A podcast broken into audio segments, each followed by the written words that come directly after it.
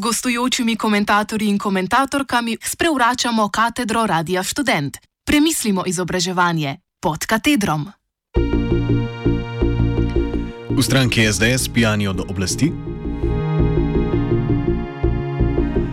V torek 17. februarja letos je društvo Alternativna akademija skupaj s podpisniki, ki jih je danes močno šteti že 90, objavila javno pismo, v katerem so politične akterje pozvali k varovanju občutljive slovenske demokracije pred avtoritarno oblastjo. Podpisniki, med katerimi je šest nekdanjih rektorjev Ljubljanske univerze, dva nekdanja rektorja Primorske univerze ter en nekdani rektor Mariborske univerze, obsojajo poskuse parlamentarnih strank, da paktirajo slovensko demokratsko stranko in njenim predsednikom Janezom Jan. Janšo. S tem bi stranke namreč preprečile predčasne volitve in si zagotovile stolčke v parlamentu še za en mandat. Po mnenju podpisnikov javnega pisma bi bila vlada pod vodstvom stranke SDS za Slovenijo regresivna. Poleg avtoritarnosti stranke SDS izpostavljajo njeno podporo privatizaciji šolstva, zdravstva in drugih področji, njeno zanikanje podnebnih sprememb, zaničljiv odnos do sodišč, rehabilitacijo domobranstva, škodljivo medijsko kulturo in financiranje iz avtoritarne tuje države, torej Mačarske.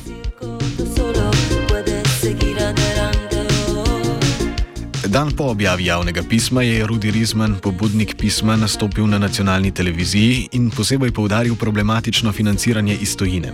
V nadaljevanju bomo prisluhnili komentarju Gorazda Kovačiča, profesorja na Ljubljanski filozofski fakulteti, predsednika Visokošolskega sindikata Univerze v Ljubljani in predstavnika Alternativne akademije.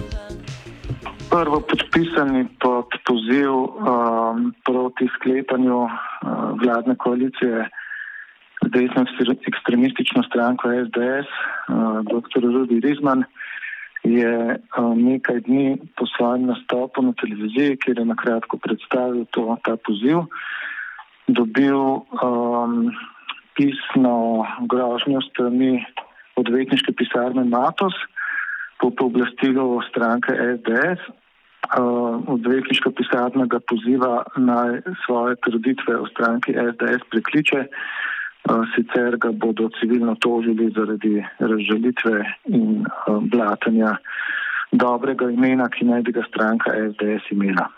To vrstno obračunavanje uh, smo pred kratkim videli um, med uh, odvetniško pisarno Matos in predsednikom vlade Šarcem, ampak tam bi še lahko rekli, da gre za uh, obliko pač, petelinjanja pred javnim mnenjem, mogoče za obliko pritiska, skratka za del političnega boja med politiki, ki so to vzeli v zakup, ko so se podali pač v politiko. No, to v tem primeru gre pa evidentno za pritisk na državljane, na, na pač ljudi z določenim stališčem. Gre za uh, ponovno uveljavljanje verbalnega delikta, um, ki je bil odpravljen v našem pravnem sistemu v 80-ih letih po dolgih borbah liberalne in leve civilne družbe. In nekateri od tistih, ki so si takrat prizadevali proti, za, za ukinitev verbalnega delikta kot posebnega kaznivega dejanja, so zdaj tudi podpisali to peticijo proti avtoritarizmu SDS. In uh, očitno jih SDS iz neke oblastne pozicije skuša ustrahovati tako, da jim grozi uh, s tožbami. Uh, Um, ampak seveda, podpisniki so nedavno in smo javnost obvestili, kaj se dogaja in upamo, da si bodo kritični državljani ustvarili pač svoje mnenje, ne, ki ustrezno dejstvom. No, jaz bi samo spomnil na to, Rizman pa predtem Šarec seveda nista prva subjekta v zadnjih tednih, ki ima stranka SDS grozi. Naj spomnim, eh, njeni visoki predstavniki so grozili fakulteti za družbene vede, da jo bojo ukinili. Potem so grozili časopisu Dnevnik, da bodo prevzeli nadzor nad njegovo uredniško politiko. Grozili so policiji in direktorici policije, da bodo obračunali z njo, jim ne da podatkov o, o predkazenskem postopku, ki ga, kot kaže, policija vodi v zvezi z tako imenovanim najemom posojila, če ni bilo to kaj drugega od bosanske državljanke Diane Đuđić. Zdaj grozijo pač upokojenemu profesorju in ostalim podpisnikom neke civilno-družbene peticije oziroma pisma. Tako da lahko ugotovim, da, da so vodje stranke SDS že v tem trenutku pijani od oblasti, čeprav sploh še niso na oblasti in da je to zlovešče znamenje, kaj vse bo šele sledilo, če zares pridejo na oblast. Pozive proti oblikovanju vlade pod vodstvom stranke SDS moramo razumeti v kontekstu preteklih izkušenj, ki jih pripadniki intelektualne sfere pomnijo iz časa prve in druge Janševe vlade. Izkušnje so bile slabe. Um, pri načinu vladanja je šlo za nebrzdano koncentracijo oblasti, za podrejanje cele vrste ali pa poskus podrejanja cele vrste pol-avtonomnih javnih institucij, pa tudi zasebnih institucij, od medijev do sodišč, do policije, do uh, institucij iz akademske sfere. Uh, šlo je za uh, uporabo državnega aparata, vključno z represivnim aparatom, za propagandne namene, za hujskanje, za širjenje sovražnega govora. Skratka, šlo je za cel kup enih neliberalnih praks, pod katerimi je kritičnim ljudem težko živeti. Poleg tega na nekih drugih ravneh je šlo pa tudi za razprodajo države, uh, za uh, netransparentno favoriziranje uh, izbranih zasebnikov, ki so se ukoriščali z državnim premoženjem. Nadalje je šlo uh, zlasti v primeru prve Janševe vlade v času visoke konjunkture za pospeševanje financializacije, za nekritično spodbujanje velikega kreditnega toka iz tujine v Slovenijo, um, za uh, spodbujanje brezglavih lastniških prevzemov in nepremičninskega špekulantskega balona.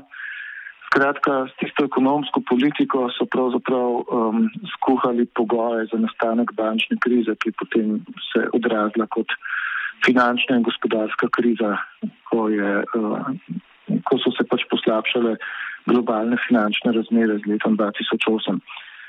Druga Janševa vlada je tako rekoč klicala na pomoč trojko, uh, javno izjavljala v zelo občutljivih razmerah, ko je bila Slovenija tako ali tako pod pritiskom špekulativnega um, mednarodnega finančnega kapitala in evropskih finančnih institucij, je vlada še prilivala olje na ogen s trditvami, da je država tik pred bankrotom, kar ni res.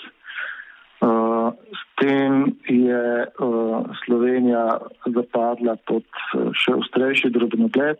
Uh, zahtevane obrestne mere na javno zadolževanje v tujini so se dvignile do nevarne stopne sedmih odstotkov, ki pomenijo, da je pravzaprav treba začeti insolvenčne postopke države. Na ta način je vlada mm, skušala usiliti ostro vrčevalno politiko. Rezultati tega eh, vrčevalnega pristopa in nepotrebne dramatizacije so bili pa približno tile. Um, poglobitev krize, uh, sprožna, uh, vlada je sprožila val izseljevanja mlajših in više izobraženih v tujino, ker so preprosto naredili križ čez to okolje. Uh, Um, vlada je uh, koristnikom socialne države in javnim uslužbencem vzela vrsto pravic in še danes niso vse vrnene. Uh, in ne na zadnje, vlada je povzročila stanje, v katerem je potem naslednja vlada, Lenka Bratušek, bila v Bruslju stisnjena v kot in je morala podpisati kapitulanski dogovor o razprodaji uh, uh, državnih lastniških deležev v pomembnih podjetjih. In uh, tako smo morali v naslednjih letih za drobiš prodati banke in določene industrijske sisteme uh, in prodali smo jih uh, špekulativnim skladom ali pa nemškim državnim podjetjem. Uh, tako da uh, izkušnje z obema dosedanjima Janševima vladama so take, da je šlo navznoter za avtoritarnost, na vzven ali pa nasproti kapitalov, pa pravzaprav za uh, škodljivo klečeplazanje, uh, brezglavost, pomankanje strategije, skratka v bistvu za uničevanje državnega, državnega in družbenega premoženja.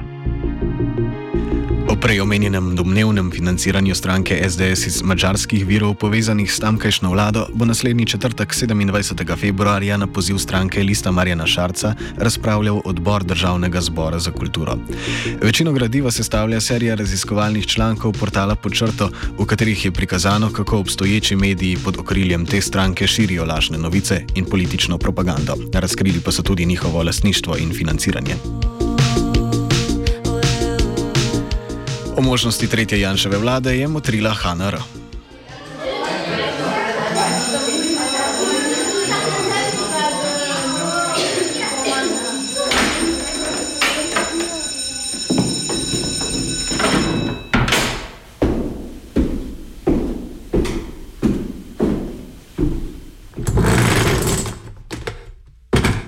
Z gostujočimi komentatorji in komentatorkami sprevračamo katedro Radia Student. Premislimo izobraževanje pod katedrom.